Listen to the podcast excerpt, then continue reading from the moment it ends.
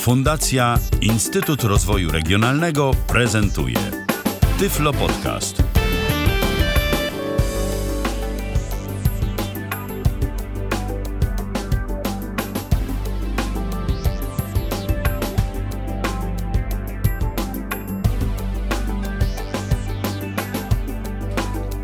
Minęła godzina 19, a zatem rozpoczynamy kolejne spotkanie z Tyflo Podcastem, czyli z pierwszym polskim podcastem dla osób niewidomych i niedowidzących. Witam bardzo serdecznie na antenie Tyflo Radia. Przy mikrofonie Michał Dziwisz, ale dziś nie jestem tu sam, e, bo również ze mną jest Paweł Masarczyk, którego kilkukrotnie ostatnio mieliście okazję słyszeć na naszej antenie. Witaj Pawle. Dobry wieczór. Dobry wieczór, dzień dobry. W końcu nie wiadomo o której godzinie będą nas słuchać, więc słusznie. Dziś będziemy rozmawiać na temat kolejnego e, kolejnej edycji obozu ICC. E, za chwilę przypomnisz, e, czego dotyczy ów tajemniczy skrót, bo ja jak zawsze nie pamiętam. Ale e, zanim o tym, to przypominam, że nasza dzisiejsza audycja ma formę interaktywną, więc jeżeli słuchacie nas właśnie dziś, właśnie w piątek, w piątek, a tu mam datę przestawioną, ale tu mam dobrą datę, 18, 18 września 2015 roku. Więc jeżeli słuchacie właśnie nas w tym momencie, to możecie do nas zadzwonić. 123 834 835 to jest nasz e, telefon. Numer, przypomnę, z krakowskiej strefy numeracyjnej. A jeżeli ktoś ma ochotę coś do nas napisać albo po prostu do nas zaskypować, jak to się mówi, to jesteśmy również do Waszej dyspozycji. tyflopodcast.net to nasz radiowy Skype. O, już właśnie w tym momencie udostępniłem e, ten komunikator także do Waszej dyspozycji. A zatem, Pawle, na dobry początek, żeby tradycji stało się zadość, bo ja już rozmawiamy, który to raz? Trzeci, czwarty na temat ACC? Czwarty co najmniej, jak nie piąty. A ja dalej nie pamiętam, czego dotyczy y, skrót ICC, więc mi i naszym słuchaczom, albo naszym słuchaczom i mi i mnie, tak nawet powinienem to powiedzieć, przypomnij bardzo proszę. ICC, czyli International Camp on Communication and Computers, czyli ni mniej, ni więcej międzynarodowy obóz na temat komunikacji i komputerów. Komunikacji pojętej szeroko jako komunikacji międzyludzkiej, komunikacji międzykulturowej, e, komunikacji w społeczeństwie. Y, czyli na czym to polega? Zjeżdżają się niewidomi z całego świata i coś wspólnie robią, tak w skrócie. E, tak, właśnie coś i takich coś jest codziennie dwa. Są to warsztaty.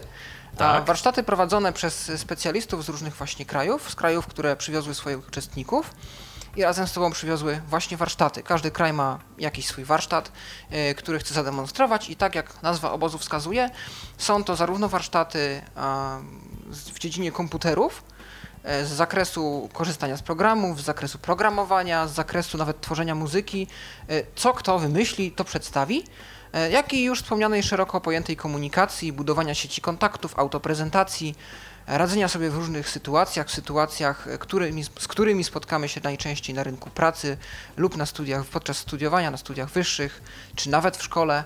Um, wszystko to, co osobie niewidomej lub niedowidzącej może się w tym samodzielnym życiu przydać, a wiadomo, że nowoczesne technologie wiele tych czynności ułatwiają, usprawniają, tylko trzeba wiedzieć, jak je wykorzystać. Kto może wziąć udział w takim obozie ICC? To takie już pytanie na przyszłość, gdyby ktoś z naszych słuchaczy w tym momencie, słuchając tego, mm, stał się osobą zainteresowaną e, wzięciem udziału w kolejnej edycji obozu ICC. Oferta obozów ICC jest kierowana do młodzieży niewidomej i słabowidzącej w wieku od 16 do 21 lat. Jako, że językiem urzędowym obozu jest angielski, e, warto też sobie przemyśleć, na ile, na ile ten język znamy, bo jest to język, w którym są prowadzone warsztaty, jest to język, którym będziemy się posługiwać prawdopodobnie przez większość czasu. Tam będą podawane komunikaty organizacyjne.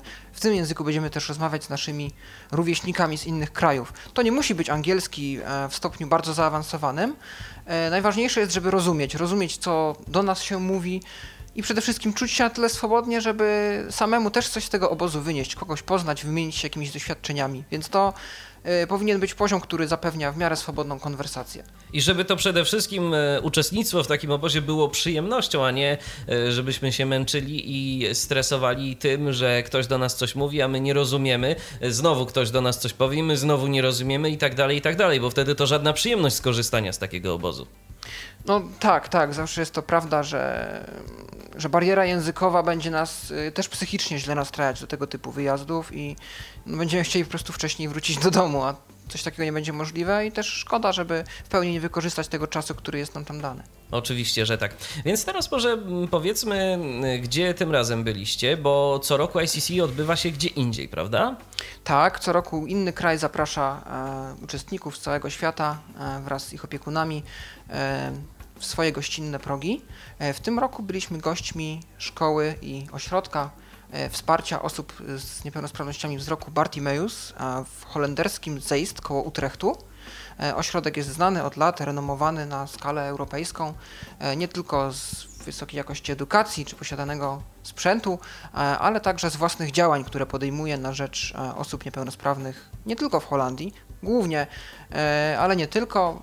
Tworzone są aplikacje przez pracowników Bartimeusa mobilne, komputerowe, gry komputerowe. Y, są jakieś takie znane w Polsce? Coś y, mogą nasi słuchacze kojarzyć? Zdaje się, że z Bartimeusem była powiązana firma ISDC, która wydała aplikację do zarządzania naszym wolnym czasem, jakby listę zadań, terminarz e, dokładnie. E, niestety ucieka mi w tym momencie nazwa.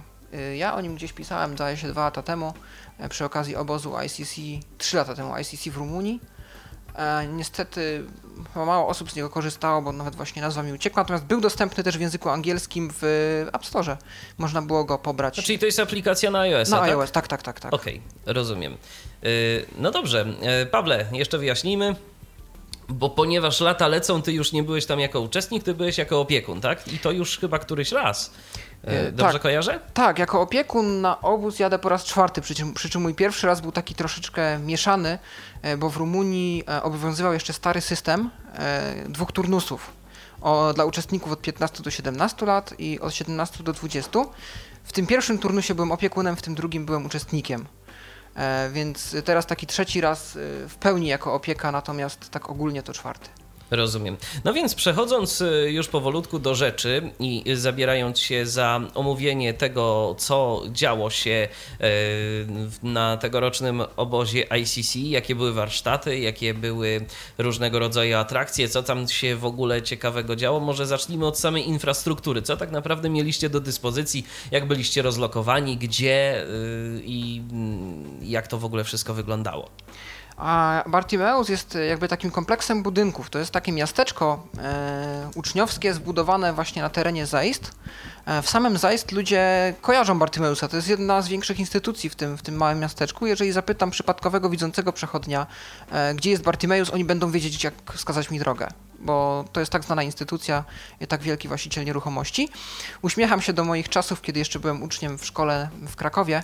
E, wyjeżdżaliśmy na wymiany młodzieżowe e, szkolne do Marburga w Niemczech e, i tam właśnie Blista, szkoła dla niewidomych z Marburga, w podobny sposób funkcjonuje. Tam też jest największym właścicielem nieruchomości, jest kilka budynków edukacyjnych, są mieszkania wynajęte dla właśnie uczniów tejże szkoły, rozlokowane po całym mieście. Bartimeus funkcjonuje na podobnych zasadach. E, przy czym to wszystko jest zbite w jeden kompleks. Te budynki są koło siebie, e, jednak są dość duże odległości, które należy przebyć. Coś takiego jak ośrodek w Laskach, porównując to do polskich realiów? Tak, tak, coś tego typu. Właśnie mm, osobny budynek, e, gdzie jest szkoła, osobny budynek jadalny, osobne budynki akomodacyjne, osobne właśnie zakwaterowania. Rozumiem. No i jak było z poruszaniem się w tym wszystkim? Nie było to jakimś problemem dla Was na samym początku? Na samym początku tak. E, na szczęście na ICC taką bardzo miłą tradycją jest e, zorganizowanie przez gospodarzy kursu orientacji, takiego bardzo szybkiego, e, gdzie jesteśmy oprowadzani po najważniejszych miejscach, które będą nam najbardziej potrzebne w czasie obozu. Jest nam pokazywane, gdzie co jest, jak trafić. Wiadomo, że oczywiście w przypadku osób niewidomych sytuacja jest dość indywidualna i każdy w swoim czasie zorientuje się, jak nawigować, zwłaszcza po tak dużym obiekcie, jakim no jest. No tak, bo jeden zapamiętuje szybciej, inny zapamiętuje wolniej, a jeszcze pewnie byli i tacy, którzy przez okres trwania całego kursu e, gdzieś tam niezbyt pewnie czuli się w tym, w tym całym kompleksie. To jest bardzo indywidualna sprawa. Otóż to i, i właśnie dlatego na szczęście mogliśmy liczyć na pomoc siebie samych przede wszystkim, czyli ci, którzy widzieli więcej, pomagali tym, którzy widzieli mniej. Byli też wolontariusze, których powołali gospodarze, więc nie było problemu z tym, aby, aby, aby uzyskać pomoc w momencie, kiedy chcieliśmy przejść z punktu A do B. Rozumiem. No więc dobrze, e, skoro już e, te kwestie, te kwestie mamy za sobą, to e, wspominałeś o tym, że mm, ośrodek, gdzie byliście, gdzie odbywało się tegoroczne ICC, jest no, takim nowoczesnym ośrodkiem z dość dobrą bazą i zapleczem sprzętowym. To było rzeczywiście widać? Mieliście do dyspozycji jakieś takie ciekawe rzeczy, czy po prostu no, było to widać w kwestii nowoczesnej infrastruktury, chociażby internetowej, komputerowej?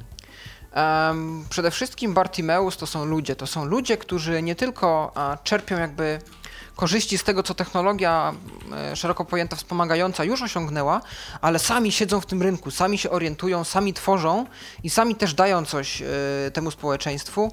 E, mają swoich swoich ludzi, swoich oddanych przyjaciół, którzy pracują w różnych miejscach, którzy działają w różnych organizacjach i wiedzą co i jak zrobić, które elementy jak połączyć, żeby wymyślić coś jeszcze nowego i coś, no, coś nowego zorganizować.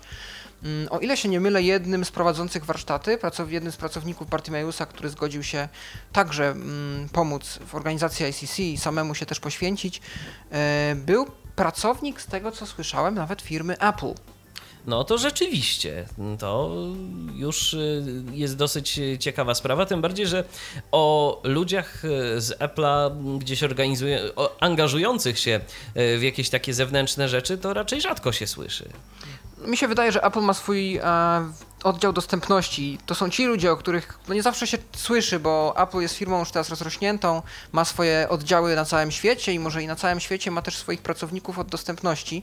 E, nie wiem też, jaką funkcję ten człowiek sprawował, natomiast e, tak, no, jest to miłe, jest to miłe, że, że mieliśmy takiego kogoś. E, był też, specjalnie przyleciał do nas ze Stanów, pracownik Intela. I co ciekawego pokazywał? On sam jako Intel e, prawdopodobnie nie prezentował nic takiego typowo Intelowego. Oni e, wraz ze swoją koleżanką, która tak naprawdę wyszła ze środowiska ICC, jest naszym człowiekiem i później emigrowała do Stanów, pracuje teraz w Dolinie Krzemowej E, oni prowadzili warsztat odnośnie skręcania różnych ciekawych rzeczy z elektroniki, z takiej prostej elektroniki, e, z prostych takich drucików, kabelków. Oni e, robili różne proste właśnie takie przedmioty, wykonywali. I to było właśnie tam między innymi demonstrowane. Rozumiem. No i tak już powoli właśnie przechodzimy do tematyki warsztatów, y, o których myślę, że również warto powiedzieć, y, co tam się ciekawego działo, jakie rzeczy mm, były obecne na tegorocznych warsztatach, bo to co roku jest coś nowego. To nie jest tak, że macie jakieś pewne schematy na ICC i je powtarzacie, tylko co roku y, pojawiają się nowe rzeczy, tak żeby i dla tych, którzy byli już wcześniej, również było to jakimś nowym, prawda?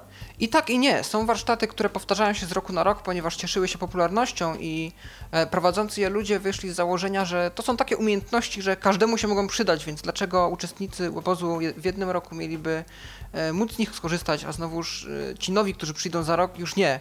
Więc y, są takie warsztaty, które się powtarzają z roku na rok, ale jest też mnóstwo nowych propozycji. No i za moment o tym powiemy, natomiast jeszcze nie mogę nie zapytać, y, jak silna była nasza polska załoga, bo przecież nie, nie ty sam jeden byłeś w tym roku na ICC. E, oczywiście, jak zwykle przyjechaliśmy z grupą naszych uczestników. W tym roku e, polską grupę reprezentowało pięć osób, pięciu uczestników. E, wspartych przez grupę dwóch wolontariuszy opiekujących się i prowadzących warsztaty. Okej, okay, no to do tych warsztatów jako takich możemy, myślę, powoli już y, przejść. Y, ty pamiętasz wszystkie, czy tylko te, w których się jakoś tak mocniej angażowałeś albo y, przy których pomagałeś? Y, pamiętam, myślę, że sporą większość tego, e, co, co się odbyło, e, z uwagi chociażby na to, że te nazwy padały kilkakrotnie w ciągu dnia, e, no bo zawsze byli jacyś uczestnicy chętni przyjść na konkretny warsztat i była sesja warsztatowa organizowana. E, więc myślę, że o dużej części będę mógł coś powiedzieć. Były jakieś takie warsztaty, które nie cieszyły się zbyt dużą popularnością, bo pamiętam z naszych poprzednich audycji, że czasem to było tak, że no niektóre warsztaty były takim poniekąd przykrym obowiązkiem, przynajmniej tak to było interpretowane przez niektóre osoby, e, bo trzeba było tam gdzieś na przykład iść, e, a niektóre warsztaty no były tak oblęgane, że po prostu miejsc nie było. No, tu otwierasz taki dość ciekawy temat, bo to zjawisko, o którym mówisz, to są tak zwane warsztaty obowiązkowe czyli każdy uczestnik e, zgłaszając się na ICC musi w formularzu wybrać dwa z czterech warsztatów, e, takich trochę narzuconych, e, w których musi wziąć udział. To może zacznijmy od tych warsztatów. Co, co, tam, się, co tam się pojawiło w tym roku? E, podobnie jak w zeszłym roku oferowane były warsztaty z zakresu umiejętności autoprezentacyjnych oraz budowania sieci kontaktów. E, uczestnicy mieli okazję stworzyć swoją własną prezentację, poznać techniki prezentacji samego siebie, e, techniki zarówno trzymania rąk, jak i poprawnej postawy, mm, panowania nad głosem, panowania nad mimiką twarzy, jak i ciekawej prezentacji materiału, który sobie obiorą jako cel swojej prezentacji. Mogli też nauczyć się najróżniejszych technik e, nawiązywania kontaktów z drugim człowiekiem, radzenia sobie ze swoją niepełnosprawnością, czy, czy odpowiednim zarządzaniem tym, tym, co powiedzieć, kiedy powiedzieć, w jaki sposób się zachować e, w różnych sytuacjach, z którymi bez wątpienia spotkają się w swoim dalszym życiu codziennym. Rozumiem. E, I duża, duża liczba osób była zainteresowana tego typu zajęciami? E, myślę, że to było gdzieś 50 na 50. Ktoś musiał te warsztaty wybrać, no, wybór też nie był duży. Poza tymi dwoma obowiązkowymi warsztatami mieliśmy też warsztaty z zakresu tworzenia w sposób zaawansowany dokumentów w pakiecie Microsoft Office, dokładnie Microsoft Word, oraz y, umiejętności napisania poprawnego CV, listu motywacyjnego, czy jak wypaść dobrze na rozmowie kwalifikacyjnej.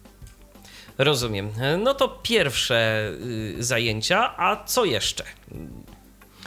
No, jak to zwykle na ICC bywa, było sporo warsztatów komputerowych. E, od takich podstawowych, jak na przykład y, obsługa internetu z tym czy innym screenreaderem, czy podstawy korzystania z NVDA, e, po tak zaawansowane jak programowanie w Androidzie, e, tworzenie własnych przyrządów przy użyciu mikroprocesora Arduino, e, czy nawet mieliśmy Apple Watche.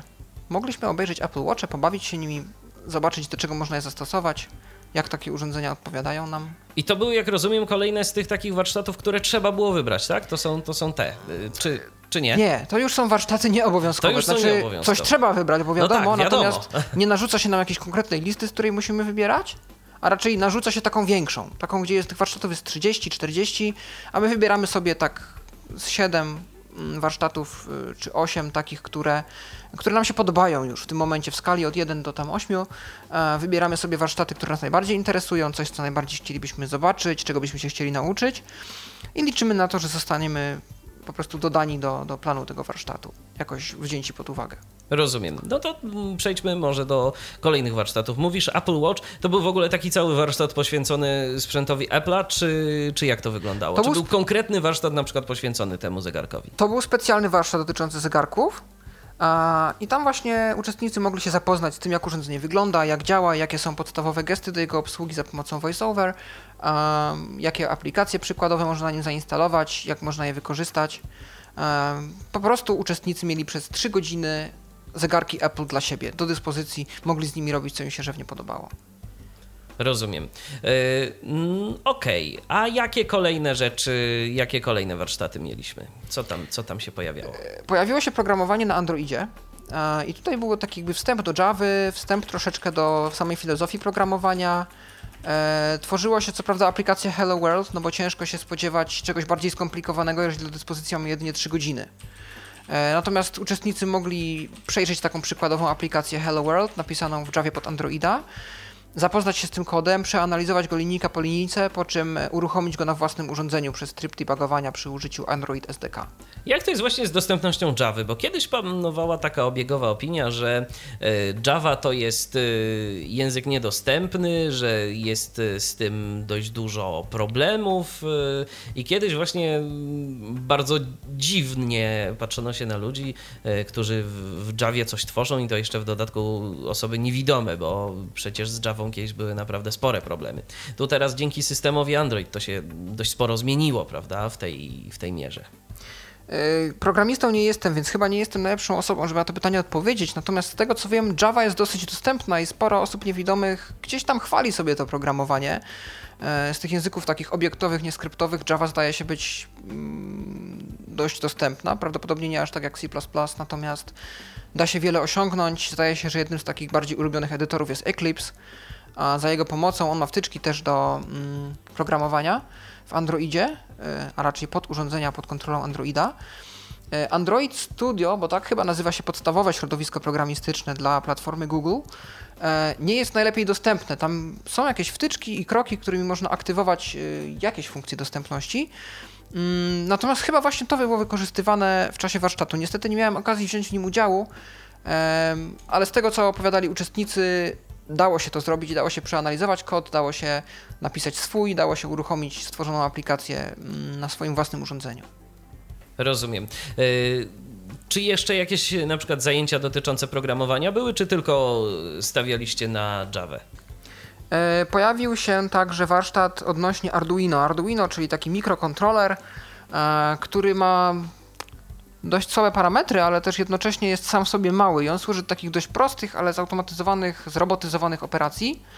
E, na przykład można było robić sobie urządzenie do pomiaru mm, odległości w czasie biegów, taki dystansometr, coś takiego, krokomierz, za pomocą właśnie Arduino. Niestety też nie mogłem wziąć udziału w tym warsztacie, on chyba odbił się tylko raz, z tego co pamiętam. No i można było wtedy takie Arduino sobie zaprogramować. Z ciekawości y, rozmawiałeś może z osobami, które brały udział w tym warsztacie. Jakie efekty udało się skonstruować takie właśnie urządzenie, zaprogramować takie urządzenie? Czy, niestety, czy nie, nie miałem, niestety nie miałem okazji. To byli uczestnicy, z którymi miałem dość mało kontaktu i nie udało mi się niestety dotrzeć do, do informacji, jak taki warsztat przebiega. Rozumiem. A szkoda, bo to by było ciekawe. Ciekawe, czy na przykład od zera dla ludzi, którzy na przykład mogli w ogóle nie mieć styczności z programowaniem, a wskoczyli tak sobie po prostu od razu na głęboką wodę, byłoby to wykonywalne zaprogramowanie takiego elektronicznego układu. W jakim stopniu? E, z takich informatycznych rzeczy, to co jeszcze ciekawego się pojawiło, jeżeli chodzi o warsztaty?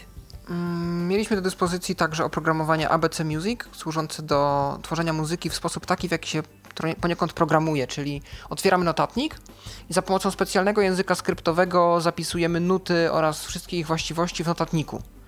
E, taki plik w odpowiednim formacie z odpowiednim rozszerzeniem przepuszczamy przez kompilator względnie interpreter, e, który przekonwertuje nam go na albo postać pliku MIDI, albo plik PDF z zapisem nutowym. Jakaś ciekawa muzyka z tego powstała? Słyszałeś? Prawdopodobnie. Y, ja ogólnie rzecz biorąc, bo tutaj zadajesz taką masę pytań, y, słuchacze nasi mogą się dziwić, nie brałem udziału w tak wielu warsztatach, ponieważ ja sam prowadziłem warsztaty, więc wtedy nie mogłem brać udziału. Natomiast w czasie wolnym a, też zajmowałem się trochę innymi rzeczami, więc nie miałem aż tyle okazji uczestniczyć w warsztatach innych prowadzących. Mhm. Natomiast wiem że, wiem, że wiem, że tam melodie jakieś proste są tworzone, nie wiem, jak daleko uczestnicy dojdą w takim warsztacie. Laskotka idzie zagrać. Tak, jak najbardziej. Myślę, że akurat takie utwory. Ewentualnie czerwone jabłuszko. Instrumenta. Tak, tak, tak. Z pewnością, okay. z pewnością coś takiego. Rozumiem. Yy, no to idźmy dalej po warsztatach kolejnych. Yy, Oczywiście warsztat z podstawowej obsługi NVDA, e, gdzie wprowadzono uczestników w tajniki używania tego screenreadera w momencie, kiedy nie mieli z nim wcześniej styczności. Opowiedziano im o tym, dlaczego warto, mm, jak go obsługiwać, że tak naprawdę nie jest aż tak różny od JOSa, zwłaszcza jeśli chodzi o te podstawowe skróty, że teraz coraz lepiej sobie radzi z pakietem Office, że istnieją do niego liczne dodatki. To tego wszystkiego uczestnicy mogli się dowiedzieć podczas właśnie warsztatu, gdzie NVDA był demonstrowany. Y, no i tu znowu zapytam, to może inaczej. Wiesz coś na temat tego warsztatu, tak jakby więcej od uczestników, czy, czy nie? Wiem, że dobrze był przeprowadzony i skorzystało z niego trochę osób słabowidzących też, które myślą o tym, czy by z komputerem nie zaprzyjaźnić się od strony właśnie screenreadera. Bo zastanawiam się, tak wiesz, jak, jak to jest w ogóle na przykład wśród uczestników ICC jak dużo osób y, nadal korzysta powiedzmy z JOSa a i jaką mają świadomość y, a propos NVDA. To, o czym mówisz, y, pozwala mi się domyślać, że jednak to nadal jeszcze jest program odczytu ekranu, który nie jest jakoś tak za specjalnie popularny i chyba nadal pokutuje takie przeświadczenie, że NVDA to taki trochę lepszy narrator. Yy Myślę, że świadomość sama w sobie jest dość duża, natomiast y, jest sporo osób, które albo gruntownie nie sprawdziły tego programu i rzeczywiście jest tak, jak mówisz, że kojarzą go jako takie rozwiązanie awaryjne, kiedy JOS się zawiesi. E, natomiast y, niektórzy zwiedzą wszystko o NVDA, co należy, natomiast podają konkretne powody, dlaczego nie używają. Na przykład jedna dziewczyna z Włoch, y, to było co prawda ICC rok temu, nie chciała korzystać z NVDA z uwagi na błędy w obsłudze Braille'a No tak, z Braillem y, to NVDA jeszcze ma sporo do nadgonienia, jeżeli chodzi o e, chociażby porównanie do JOSa. No i też zresztą z parametryzacją. To jest jeszcze też tak, że jeżeli się przyzwyczaimy do tego, że możemy kontrolować różnego rodzaju zachowania elementów ekranu, że na przykład to jest nam oznajmiane w takiej kolejności, a to w takiej, a to jeszcze tak nam y, sygnalizuje program odczytu ekranu. NVDA ma tego znacznie mniej i tu rzeczywiście mogą być y, głosy takie za tym, że faktycznie komercyjne oprogramowanie typu JOS chociażby, y, czy Windows no ma to rozwiązane lepiej. I też jestem bardzo ciekaw, jak ludzie sobie po tych warsztatach radzili z nawigacją obiektową, bo to jest chyba największa bolączka i powód mm, bardzo częsty, dla którego ludzie po prostu NVDA się zwyczajnie boją. Yy, myślę, że tak. Myślę, że yy, nawigacja obiektowa jest dość ważnym elementem takiego warsztatu i na pewno była wzięta pod uwagę. Yy, znów nie mam niestety za bardzo informacji zwrotnej od konkretnych uczestników, czy zamierzają na przykład z NVDA korzystać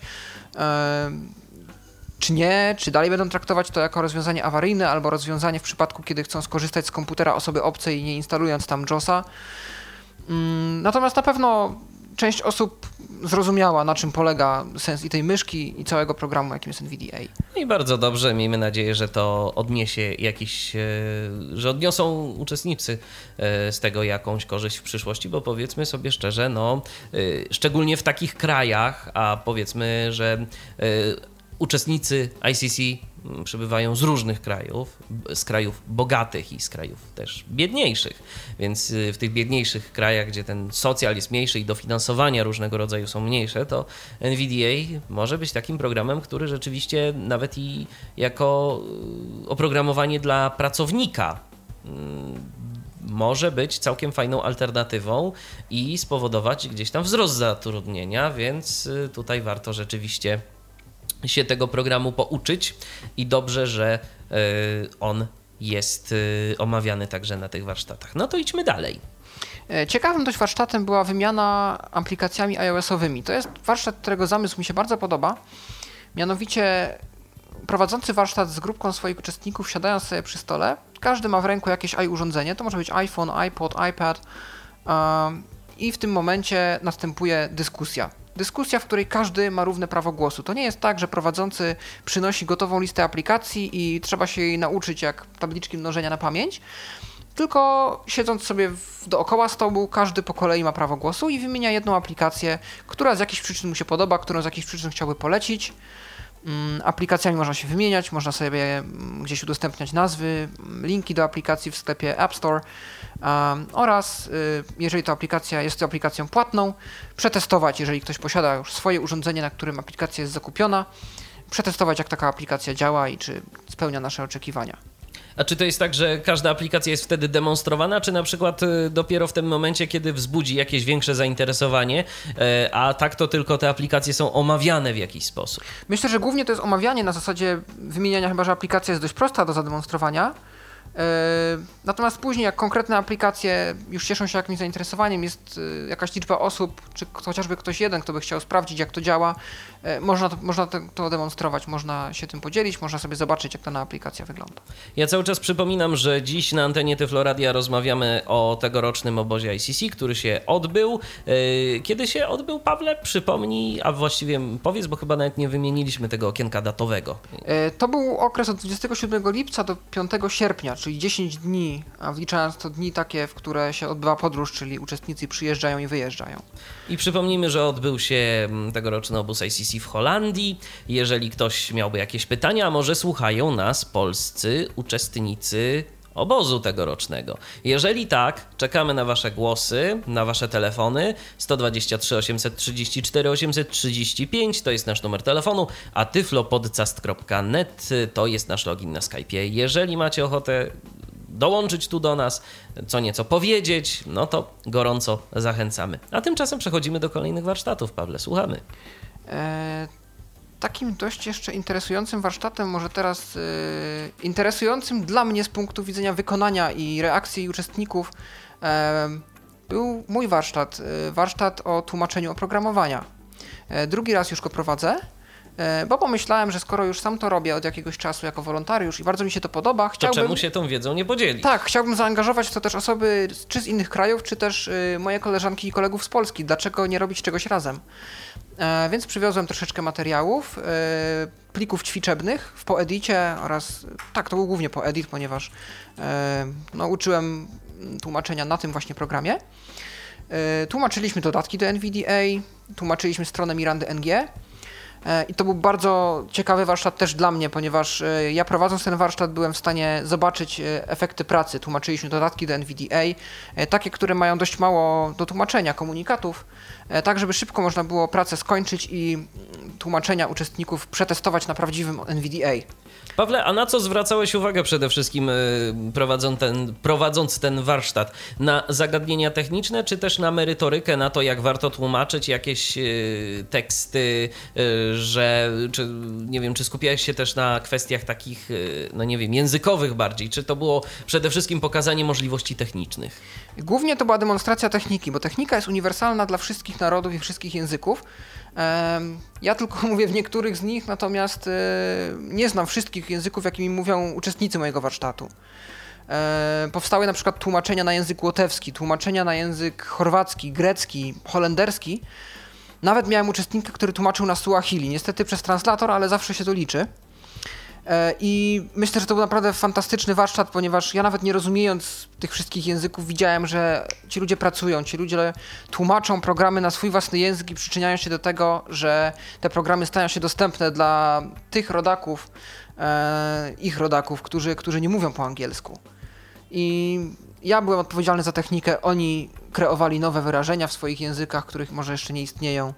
E, oni zastanawiali się, jak to ładnie ująć w swoim własnym języku, jak to gramatycznie napisać, jak to zrobić, żeby użytkownik końcowy wiedział o co chodzi, a było to jednocześnie proste, zwięzłe i zrozumiałe. A czy efektem końcowym tego warsztatu było coś, e, co rzeczywiście gdzieś zostało rozdystrybuowane dalej, na przykład jakieś dodatki do NVIDIA i przetłumaczone na kolejne języki, które zostały umieszczone, no nie wiem, w jakimś e, repozytorium tych dodatków albo podobne rzeczy tego typu? Tego niestety nie zrobiliśmy po części dlatego, że wiele z tych języków y, jest już pokrytych w materiałach ćwiczebnych. Co mam na myśli? Mam na myśli to, że wiele dodatków do NVDA, które tłumaczyłem, jest już przetłumaczonych na te języki, na które my tłumaczyliśmy, więc no, nie ma na sensu. Suahili chyba nie ma. Tak, ale to było komputerowe tłumaczenie. Okej, okay, rozumiem. Myślałem że, myślałem, że po prostu jakiś tylko konkretny zasób słów a yy, był, był tłumaczony, a ktoś po prostu jakoś ten język znał. Historia była dość zabawna, Michale, ponieważ na moim warsztacie zjawił się Brytyjczyk. Ja w tym momencie zastanawiałem się, co osoba, dla której język angielski jest językiem ojczystym, robi na warsztacie, na którym z angielskiego właśnie programy tłumaczymy. E, zapytałem się tego uczestnika, czy on zna jakikolwiek inny język. Powiedział mi, że niestety nie ale na warsztat przyszedł z ciekawości i zapytałem się, no to w takim razie, co ty będziesz chciał tu robić? Mówi, przetłumaczę na jakikolwiek język, wpadnie mi do głowy za pomocą Google Translatora. No i wybrał Suahili. No to jestem bardzo ciekaw, jaki był finalny efekt tego.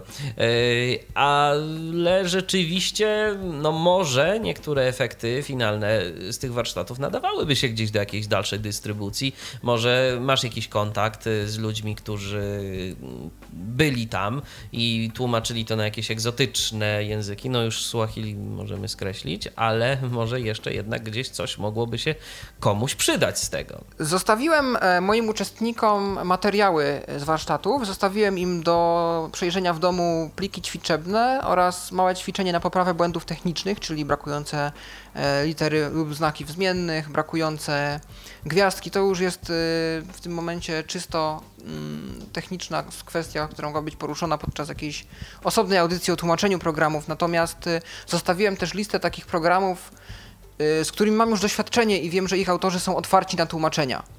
To są zarówno programy pod Windows, jak i aplikacje na iOS, aplikacje na Androida. E, uczestnik warsztatu może zapoznać się z tą listą i jeżeli jego język jeszcze nie został wprowadzony w danej aplikacji, wykorzystując wiedzę, którą dostał na warsztacie, którą wyniósł z mojego warsztatu, może odezwać się do programisty konkretnej aplikacji i poprosić o udostępnienie mu plików potrzebnych do wykonania tłumaczenia.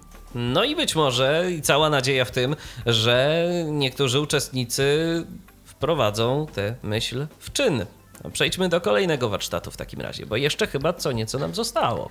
E, myślę, że teraz trochę przejdę do tych warsztatów bardziej komunikacyjnych, mniej okay, komputerowych, okay. Bo, bo, bo, bo część osób, którym próbowałem opowiadać o ICC, część jeszcze moich koleżanek, kolegów ze szkoły, stwierdziła, że oni nie przyjadą na ten obóz, bo to jest obóz dla maniaków komputerowych. To jest obóz dla geeków, nerdów, nazywajmy ich jak chcemy.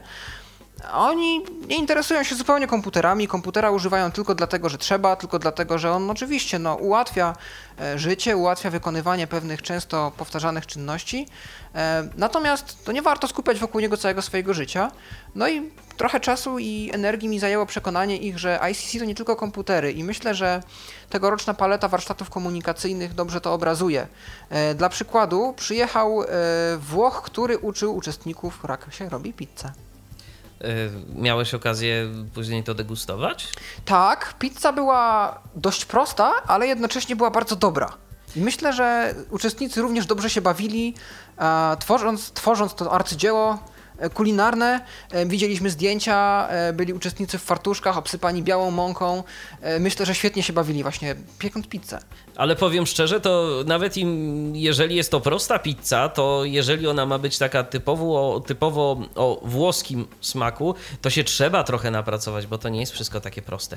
Żeby, żebyśmy mieli jakiś dobry finalny efekt, więc no tylko pogratulować i pozostaje się cieszyć z tego, że rzeczywiście wyszło coś dobrego, wyszło coś smacznego, e, no i że takie warsztaty były.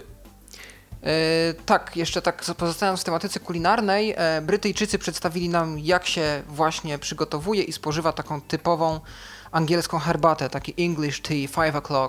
To jest jakoś inaczej? Możesz coś o tym więcej powiedzieć, tak z ciekawości? Znaczy myślę, że sam proces picia herbaty nie przypomina jakiejś Japonii, gdzie herbatę pije się według specjalnego rytuału na trzy łyki.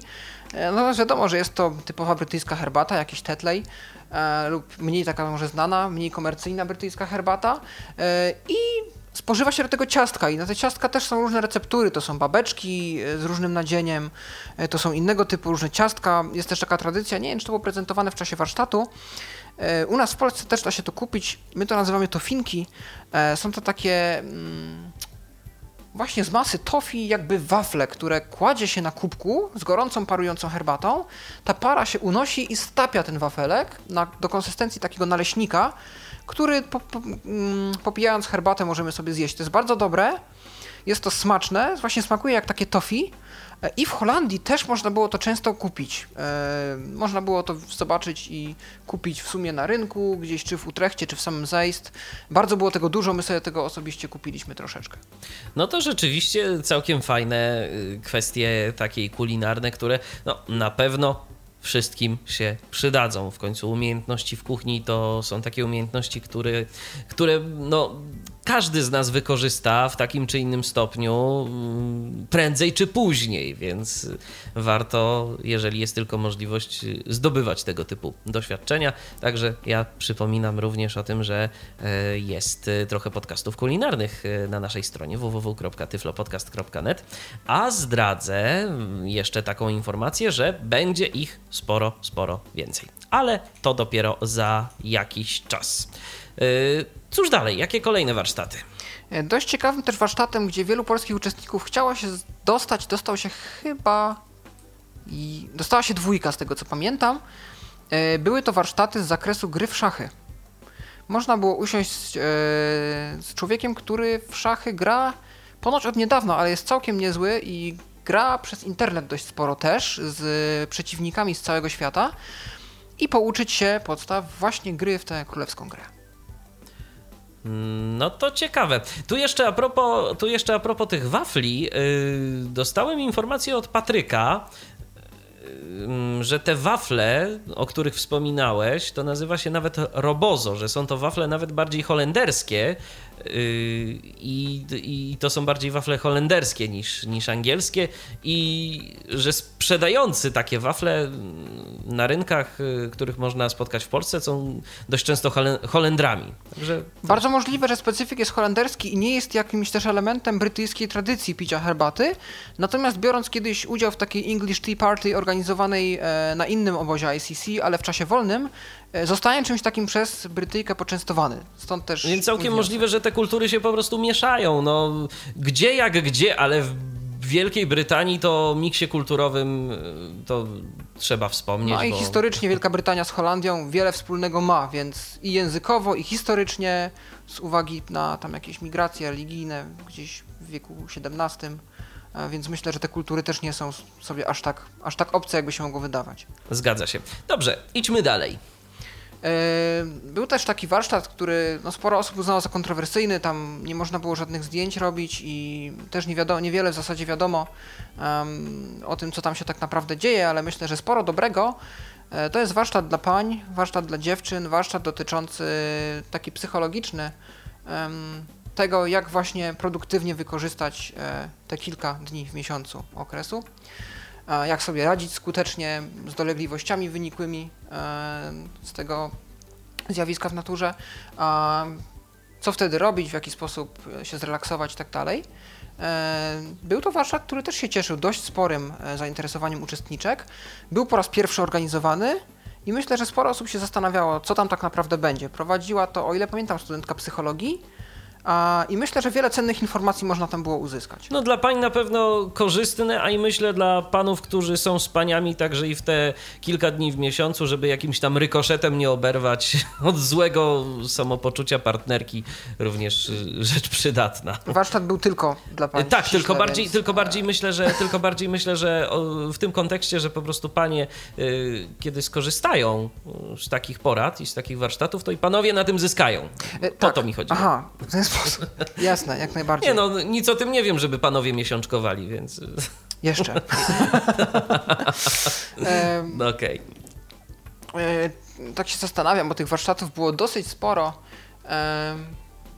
Był, z tego co pamiętam, organizowany warsztat właśnie taki kulturoznawczy, gdzie każdy mógł się podzielić troszeczkę swoją kulturą, e, typowymi dla swojego kraju zwyczajami, tradycjami, piosenkami, faktami, ciekawostkami, wszystkim tylko co się nasunęło. E, myślę, że to jest jeden z takich warsztatów, które będą się cieszyć większą popularnością na, na właśnie obozie takim, jakim jest ICC. I sam biorąc udział w takim warsztacie, zawsze wychodziłem z garścią naprawdę przydatnych informacji o krajach moich rówieśników. Tym razem ci się udało wziąć udział w tym warsztacie, czy nie? Nie, ja wtedy miałem swój własny warsztat, niestety nie mogłem. A, rozumiem. Okej. Okay. No rzeczywiście, obowiązek obowiązkiem to. Oczywiście. trzeba. Trzeba było wybrać yy, swój. Yy, Pawle, a tak skoro jesteśmy właśnie przy tych warsztatach, to jeszcze jeżeli ci się coś przypomni, to oczywiście do tego tematu wrócimy. Natomiast yy, moje pytanie jest takie, mm, jak wygląda to, jeżeli chodzi o społeczność? Kto tam się pojawia na ICC? Jakieś takie egzotyczne kraje, mieszkańcy krajów takich mało oczywistych pojawiają się na ICC? Czy to jest raczej y, wydarzenie typowe dla Europy, czy gdzieś na przykład z innych kontynentów tam się pojawiają ludzie? W tym roku jak to było? E, ICC jest y, tak w ogólnym przekroju wydarzeniem europejskim, to znaczy ono nie jest nastawione tylko na Europę, ale y, większość krajów y, są to kraje europejskie. No bo wiadomo, bo tu jest wszędzie bliżej, tak? Tak, i to jest kwestia kosztów, kosztów dofinansowania uczestnictwa, e, ponieważ wysłanie jednego uczestnika to jest koszt 400 euro. E, natomiast tak samo koszty podróży, myślę. Jeżeli to są jakieś dalekie kraje, to ciężko tak przylecieć do Europy, E, znaleźć połączenia, bo jeszcze nie zewsząd do zewsząd się doleci. I trzeba wykorzystywać jakieś lotniska pośrednie, zmieniać te loty. E, no a wiadomo, że to też generuje automatycznie wyższe koszty podróży, e, bo to są bilety w dwie strony. Natomiast są kraje, które pojawiają się poza, spoza Europy i są zawsze ciepło witanymi gośćmi na ICC. Takim naszym stałym gościem pozaeuropejskim jest Japonia, która zawsze przyleci chociażby z jednym uczestnikiem, a grupę japońską reprezentuje uczelnia e, Tsukuba College of Technology, z japońskiej właśnie Tsukuby. E, I zawsze, zawsze nasi japońscy koledzy przywiozą jakieś japońskie specjały, których możemy spróbować. Prowadzą warsztaty dotyczące e, pisma japońskiego, hiragany oraz oraz innego alfabetu japońskiego, którego nazwa mi teraz uciekła. I zawsze, zawsze dobrze się bawimy właśnie w towarzystwie, towarzystwie Japończyków. A wiem, że w przeszłości, to już nie za moich, jeszcze nie za moich czasów, e, mieliśmy też delegacje ze Stanów Zjednoczonych, pojawił się też Izrael, pojawiła się też Malezja. E, ja też byłem raz e, uczestnikiem obozu, gdzie pojawił się jako członek grupy niemieckiej e, uczestnik z Etiopii. O proszę, no to rzeczywiście Etiopia, egzotyczny kraj. E, a jak na przykład e, w tym roku to wyglądało, jeżeli chodzi o Japonię? Było więcej niż jeden uczestnik? Tak, dwóch. O. Znaczy uczestniczka i uczestnik Aha. ze swoimi dwoma opiekunami. Przylecieli do nas e, właśnie z Japonii i myślę, że też świetnie się z nami bawili. No to tym lepiej. Dobrze, że ta wymiana kulturowa gdzieś e, funkcjonuje cały czas. E, ale nie tylko warsztaty były na ICC, prawda? Był też czas wolny i różnego rodzaju jakieś e, wydarzenia, które miały miejsce poza warsztatami. A przynajmniej tak było w poprzednich latach. Nie, nie inaczej było też i w tym roku. Nasi gospodarze przygotowali dla nas dość bogatą ofertę czynności aktywności, które mogliśmy wykonywać w czasie wolnym. I cóż to takiego było? Większość odbywała się na terenie ośrodka, ponieważ Bartimeus e, posiada różne sale, różne sprzęty e, i różne możliwości na to, by organizować u siebie wszelkiego rodzaju zabawy, a wydarzenia e, i innego rodzaju aktywności. I na przykład była możliwość pogrania w goalball, była możliwość pogrania w showdowna, e, był wieczór karaoke, E, było tak zwane jam session, każdy grał na czym mógł. Były też takie nietypowe instrumenty, różnego rodzaju piszczałki, które wydawały jeden monotonny dźwięk, ale były bardzo dobrym akompaniamentem, gdzieś takim około perkusyjnym nawet bym powiedział, a dla utworów, które się wykonywało na bardziej poważnym e, instrumentarium. E, było też wyjście na miasto, czyli zwiedzanie miasta. Były też tandemy. Uczestnicy mogli wraz z pilotami pojechać sobie po zejść tandemami. O, to też bardzo fajna sprawa. A co z tym wyjściem na miasto? Może coś więcej opowiesz, jak to tam, y, co, co ciekawego było, mm, można sobie e, zwiedzić? Pokazywane były różne zabytki. E, głównie z zewnątrz e, można było zobaczyć zamek w Zajst, gdzie wejście jest płatne, więc myślę, że też samo oprowadzenie po tym zamku zajęłoby trochę czasu, więc mając do dyspozycji tylko 2 czy 3 godziny, nikt się w to nie bawił. E, natomiast z tego co wiem, jest to bardzo ładna okolica, bardzo malownicza. Osoby widzące opowiadały, że, że wygląda to pięknie. No to pozostaje uwierzyć na słowo. E, jakaś wycieczka na przykład do jakiegoś miejsca też była, czy nie? Czy w tym roku, czy w tym roku tego nie praktykowano?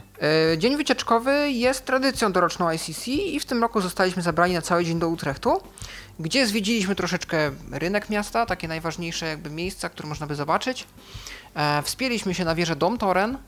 E, teraz nie pamiętam jaka to była wysokość, e, natomiast jakieś 60 metrów, jakieś 120 stopni. E, więc to była taka wysokość e, na nogach do pokonania, z uwagi też na to, że to jest e, chodzenie pod górkę i z górki na dół. E, no taka znaczna do pokonania. E, a tam odbywały się koncerty na dzwonach. Jeżeli ktoś oglądał film taki francuski dalej niż na północ, to może kojarzy postać takiego listonosza, zarazem dzwonnika Antuana. On tam grał na dzwonach różne utwory. Takim hitem tego filmu był właśnie Stevie Wonder, I Just Called to Say I Love You. I właśnie tam była też taka pani Małgosia, swoją drogą, Polka. No proszę. Która, która od 10 lat mieszka w Utrechcie i jest dzwonniczką? Dzwonniczką. Dzwonniczką. Tak, dzwonniczką. E, I grała różne utwory z takich hitów, które ja rozpoznałem, było Locked Out of Heaven Bruno Marsa. No proszę, to rzeczywiście. To tutaj szacunek dla pani Małgosi. E, że, tak, tak, pozdrawiamy. Pozdrawiamy. Może wątpię, że nas słucha, ale może kiedyś do nas dotrze po, po jakichś Dokładnie. latach. Gdzieś tam, gdzieś tam i będzie, i będzie jej miło. No, rzeczywiście Polacy także do Holandii zawitali, chociaż takie różne czasem niepochlebne opinie gdzieś tam się pojawiają wśród y, rdzennych mieszkańców Holandii na temat y, Polaków, przynajmniej niektórych, takie gdzieś tam można, nawet kiedyś taka piosenka była Der Busi mit den Polen, ale no tu miejmy nadzieję, że to pani Małgosi nie dotyczy, bo pani Małgosia ładnie na dzwonach grała. Okej. Okay. E, a z takich e, jeszcze ciekawych rzeczy, które mm, e, się tam działy i o, o, których e, warto było, żebyśmy powiedzieli, wspominałeś przed wejściem na antenę, że warto również wspomnieć na temat iBeaconów które na terenie całego ośrodka były chyba, tak? Czy, czy jak to wyglądało? Tak, tak. W tym roku postawiono na testowanie różnych nowoczesnych technologii, trochę zrobiono z nas królików doświadczalnych i dobrze. Więc cały ośrodek był obstawiony kodami QR oraz iBeaconami. E, Kody... To może powiedzmy jeszcze na dobry początek, co to właściwie są te iBeacony, bo może niektórym się z bekonem po prostu kojarzy. iBeacon jest to wynalazek firmy Apple, o ile pamiętam, e, który jest e, takim nadajnikiem dość małych rozmiarów i który nie kosztuje... I małej mocy. Tak, i nie kosztuje wcale tak drogo z tego co wiem. Tam jedna sztuka to jest jakieś 10 euro, coś takiego. Który za pomocą Bluetooth sygnału jest w stanie nadawać różne komunikaty, czy komunikaty tekstowe, czy nawet dane E, no i oczywiście swoje położenie. Zastosowanie ogólne, takie podstawowe tego nadajnika, to w założeniu miała być nawigacja wewnątrz budynków. E, my testowaliśmy aplikację Via Via, którą Bartimeus aktualnie testuje. To jest aplikacja, która ma nowo przybyłym gościom Bartimeusa ułatwić nawigację po całym obiekcie. E, dzięki temu, że w tych najbardziej strategicznych miejscach rozstawione są te właśnie iBeacony. Co prawda, funkcji nawigacji od punktu A do B ta aplikacja nie miała, Natomiast każdy iBeacon wysyłał jakiś komunikat spersonalizowany, który pojawiał się tylko w momencie, kiedy byliśmy w danym miejscu.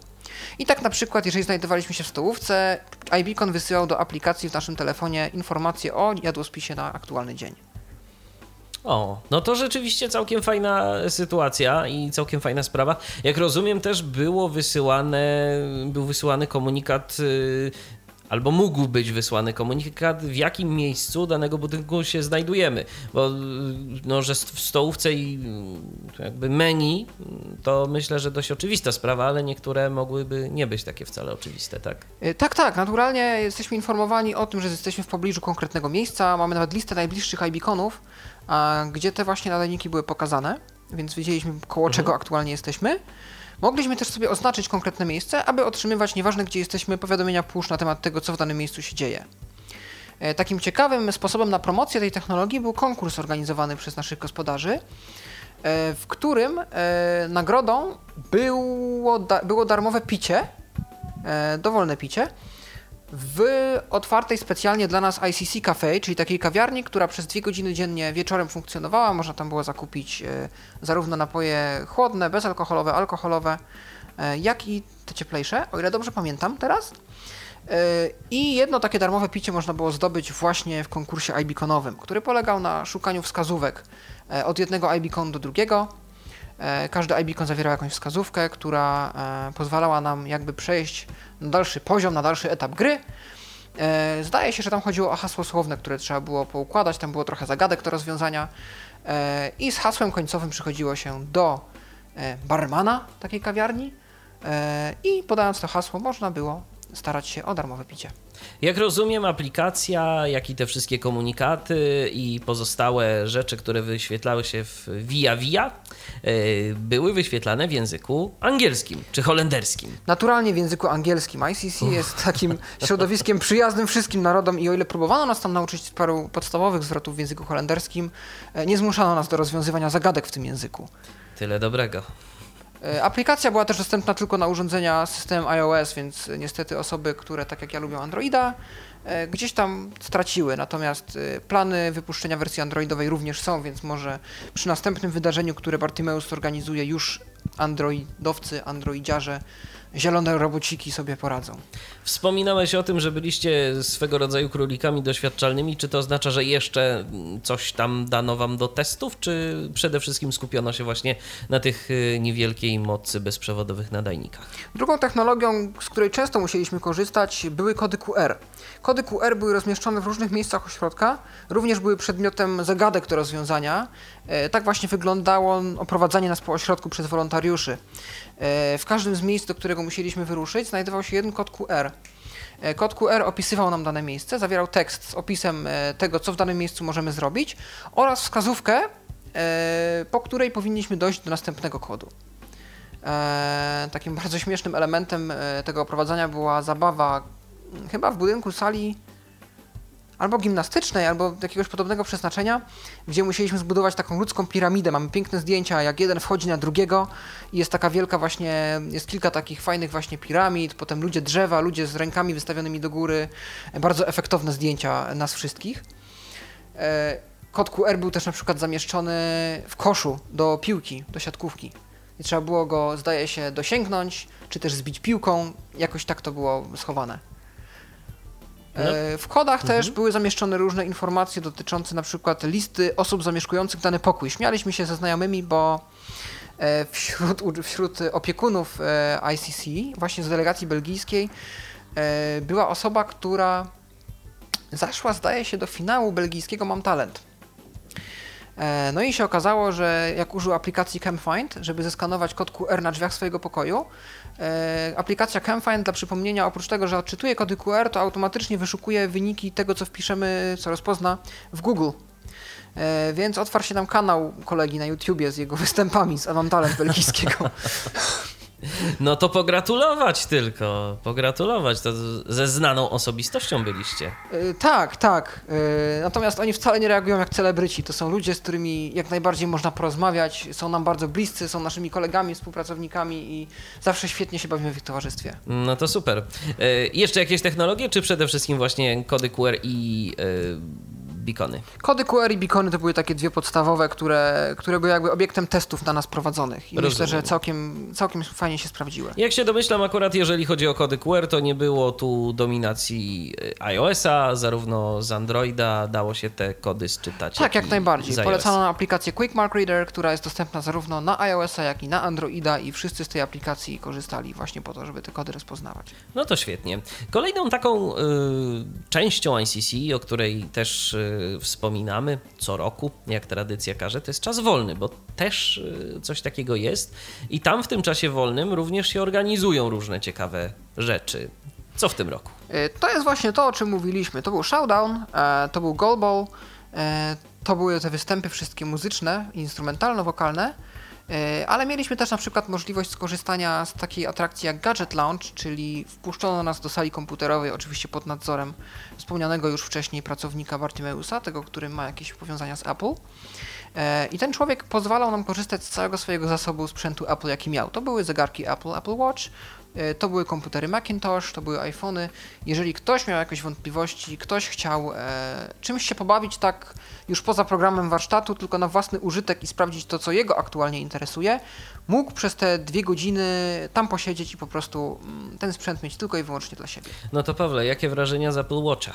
Ja myślę, że w ogóle technologia tych y, noszonych rzeczy, y, inteligentnych rzeczy do noszenia, zegarków, wszelkiego rodzaju opasek, jest całkiem interesującym krokiem, interesującym posunięciem producentów technologii, y, która wymaga jeszcze sporo usprawnień. Natomiast ja widzę potencjał dla osób niewidomych. y, Widzę, jak można by to wykorzystać. To można by wykorzystać jako nawigację GPS, to można by wykorzystać jako sondy ultradźwiękowe noszone na ręku, no a przede wszystkim jako nasze osobiste centrum informacji. Pomyślcie sobie wszystkie portale społecznościowe, wszystkie aplikacje informacyjne, wszystkie czytniki książek, muzyki, e, odtwarzacze muzyki czy filmów zamieszczone na naszej ręce, a to wszystko udźwiękowione. Rzeczywiście, no, całkiem przyjemna perspektywa. Gdyby te jeszcze mm, taki na przykład Apple Watch był trochę tańszy. Ja myślę, że tutaj jest dobre pole do, do popisu dla technologii Android Wear, która może być produkowana przez różnych producentów i w różnych cenach, w różnych przedziałach cenowych, podobnie jak telefony czy tablety. Jeżeli tylko e, API tej technologii rozwinie się na tyle, by umożliwiać na transmisję dźwięku, bo z tego co wiem, na razie nawet takie urządzenia nie posiadają głośników, e, i TalkBack będzie współpracował z taką technologią, myślę, że znajdą się nabywcy, myślę, że znajdą się zastosowania. Już powstają specjalne, dedykowane zegarki dla niewidomych. Jasne. Czy coś jeszcze ciekawego y, w tegorocznym, na tegorocznym ICC się działo, o czym nie wspomnieliśmy, a warto by było? E, tak się zastanawiam, bo działo się dość wiele. E, mogliśmy wziąć udział w mszy świętej, a raczej w nabożeństwie, ponieważ e, była to świątynia protestancka. Zaproszono nas na mszę. Mm, cały czas mówię msza, bo to jest takie nasze typowe myślenie, ale to było nabożeństwo. E, dlatego, ponieważ e, osoby zakładające jakby e, tamtą świątynię były, miały jakieś powiązanie z Czechami. Tam była jakaś wymiana z Morawią, Morawami i tam były prowadzone jakieś działania, już teraz nie pamiętam dokładnie o co chodzi, ale historycznie Czesi i Holendrzy na tym terenie mają wiele wspólnego. I e, takim jakby gościem specjalnym, a raczej takim gwoździem programu na tym nabożeństwie był czeski koordynator, który pochodził z tych terenów właśnie historycznie związanych z Zeist i podczas nabożeństwa zagrał tradycyjną e, melodię czeską na akordeonie. E, co ciekawe, e, treść, zarówno taki skrót kazania, jak i treść wszystkich pieśni, modlitw, które tam śpiewaliśmy, odmawialiśmy podczas nabożeństwa, zostały nam przygotowane w języku angielskim w Braille'u, więc każdy miał dla siebie plik kartek brailleowskich, gdzie mógł śledzić, co się dzieje w czasie nabożeństwa. Oczywiście nabożeństwo było prowadzone w języku holenderskim. No to rzeczywiście takie dosyć fajne doświadczenie y, dla wszystkich, myślę. Y, zawsze to coś innego niż to, z czym y, ludzie praktykujący gdzieś tam w swoich regionach mają do czynienia i też dla niepraktykujących myślę, że to też całkiem Ciekawe doświadczenie, doświadczenie kulturowe, takie dokładnie, czysto, dokładnie, poznawcze. Czysto kulturowo-poznawcze, czysto, tak. czysto poznawcze. Pawle, skoro tak już powoli zbliżamy się do końca naszej opowieści. O, Właśnie. Czyżby. Czyżby. E, okej, okay, więc skoro zbliżamy się do końca naszej opowieści, to myślę, że warto wspomnieć, co za rok. Czy już jakieś plany, czy już jakieś wizje, e, no i czy już się można zapisywać. Zapisywać jeszcze nie, to jeszcze nie, to jest pieśń może nie aż tak odległej przyszłości. E, zapisy zazwyczaj rozpoczynają się gdzieś zimą, styczeń, luty, kiedy mamy już do dyspozycji formularz na nowy rok. E, gospodarzami przyszłego roku są Niemcy. I to nie tak aż daleko, bo zostaliśmy zaproszeni do Drezna, gdzie tamtejsza Politechnika zorganizuje nam ICC. E, już w poniedziałek i we wtorek moja asystentka Marta oraz ja będziemy gośćmi na spotkaniu przygotowawczym dla koordynatorów w Dreźnie, gdzie będziemy mieli okazję po raz pierwszy zobaczyć miejsce naszego przyszłorocznego obozu oraz zapoznać się z planami, jakie mają dla nas powoli gospodarze. Te plany jeszcze mogą ulec zmianie, a wszystko się tam może zmienić, ale jakiś zarys już taki poważniejszy jest i my będziemy mogli właśnie tego doświadczyć, będziemy mogli zobaczyć, co szykują dla nas nasi niemieccy gospodarze. Super, ale to w takim razie zapytam, jeżeli ktoś byłby zainteresowany uczestnictwem e, w kolejnym ICC, w ICC już tym razem 2016 u naszych zachodnich sąsiadów, to gdzie może zasięgnąć informacji. No wiadomo, że jeszcze teraz się zapisywać nie można, ale z racji tego, że można będzie za czas jakiś, no jakąś stronę, jakiś profil facebookowy albo inny namiar, prosiłbym Cię bardzo, abyś podał. Przede wszystkim e, zachęcam do odsłuchania naszych starszych Tyflo podcastów, archi audycji archiwalnych z poprzednich lat, gdzie opowiadamy o obozach ICC, które odbyły się już przedtem.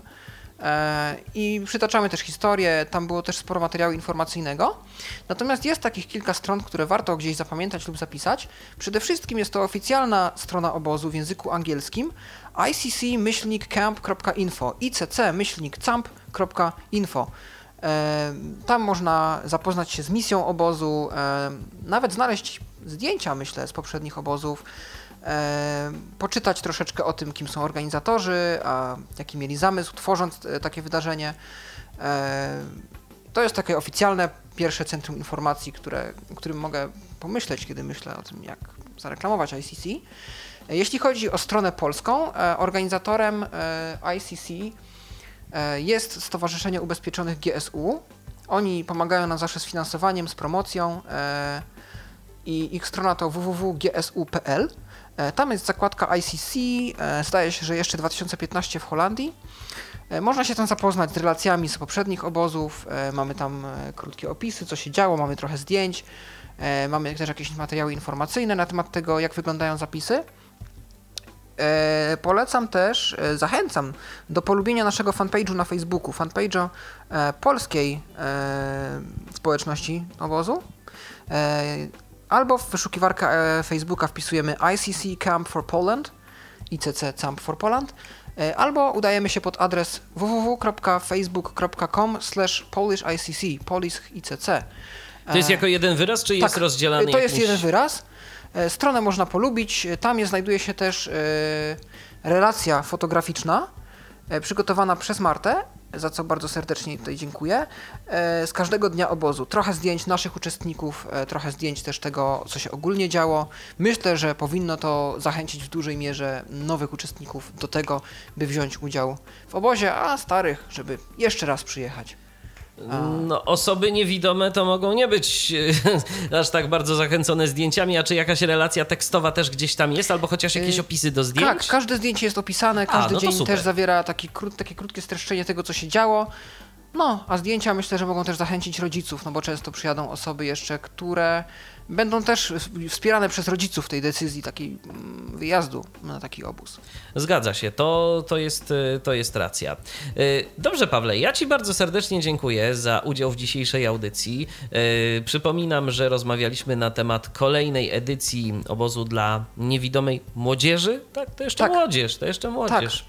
ICC, y, tym razem 2015. Obóz odbył się w Holandii. E, Paweł Masarczyk, y, jeden z opiekunów y, po stronie polskiej, był moim i waszym przede wszystkim dzisiejszym gościem. Dziękuję Ci, Pawle, bardzo raz jeszcze. Ja również dziękuję Ci za zaproszenie do programu. I ja również dziękuję za uwagę. Michał Dziwisz, kłaniam się. Do usłyszenia, do następnego spotkania w Tyflo Podcaście na żywo na antenie Tyflo Radia. Trzymajcie się, cześć. Był to Tyflo Podcast. Pierwszy polski podcast dla niewidomych i słabowidzących. Program współfinansowany ze środków Państwowego Funduszu Rehabilitacji Osób Niepełnosprawnych.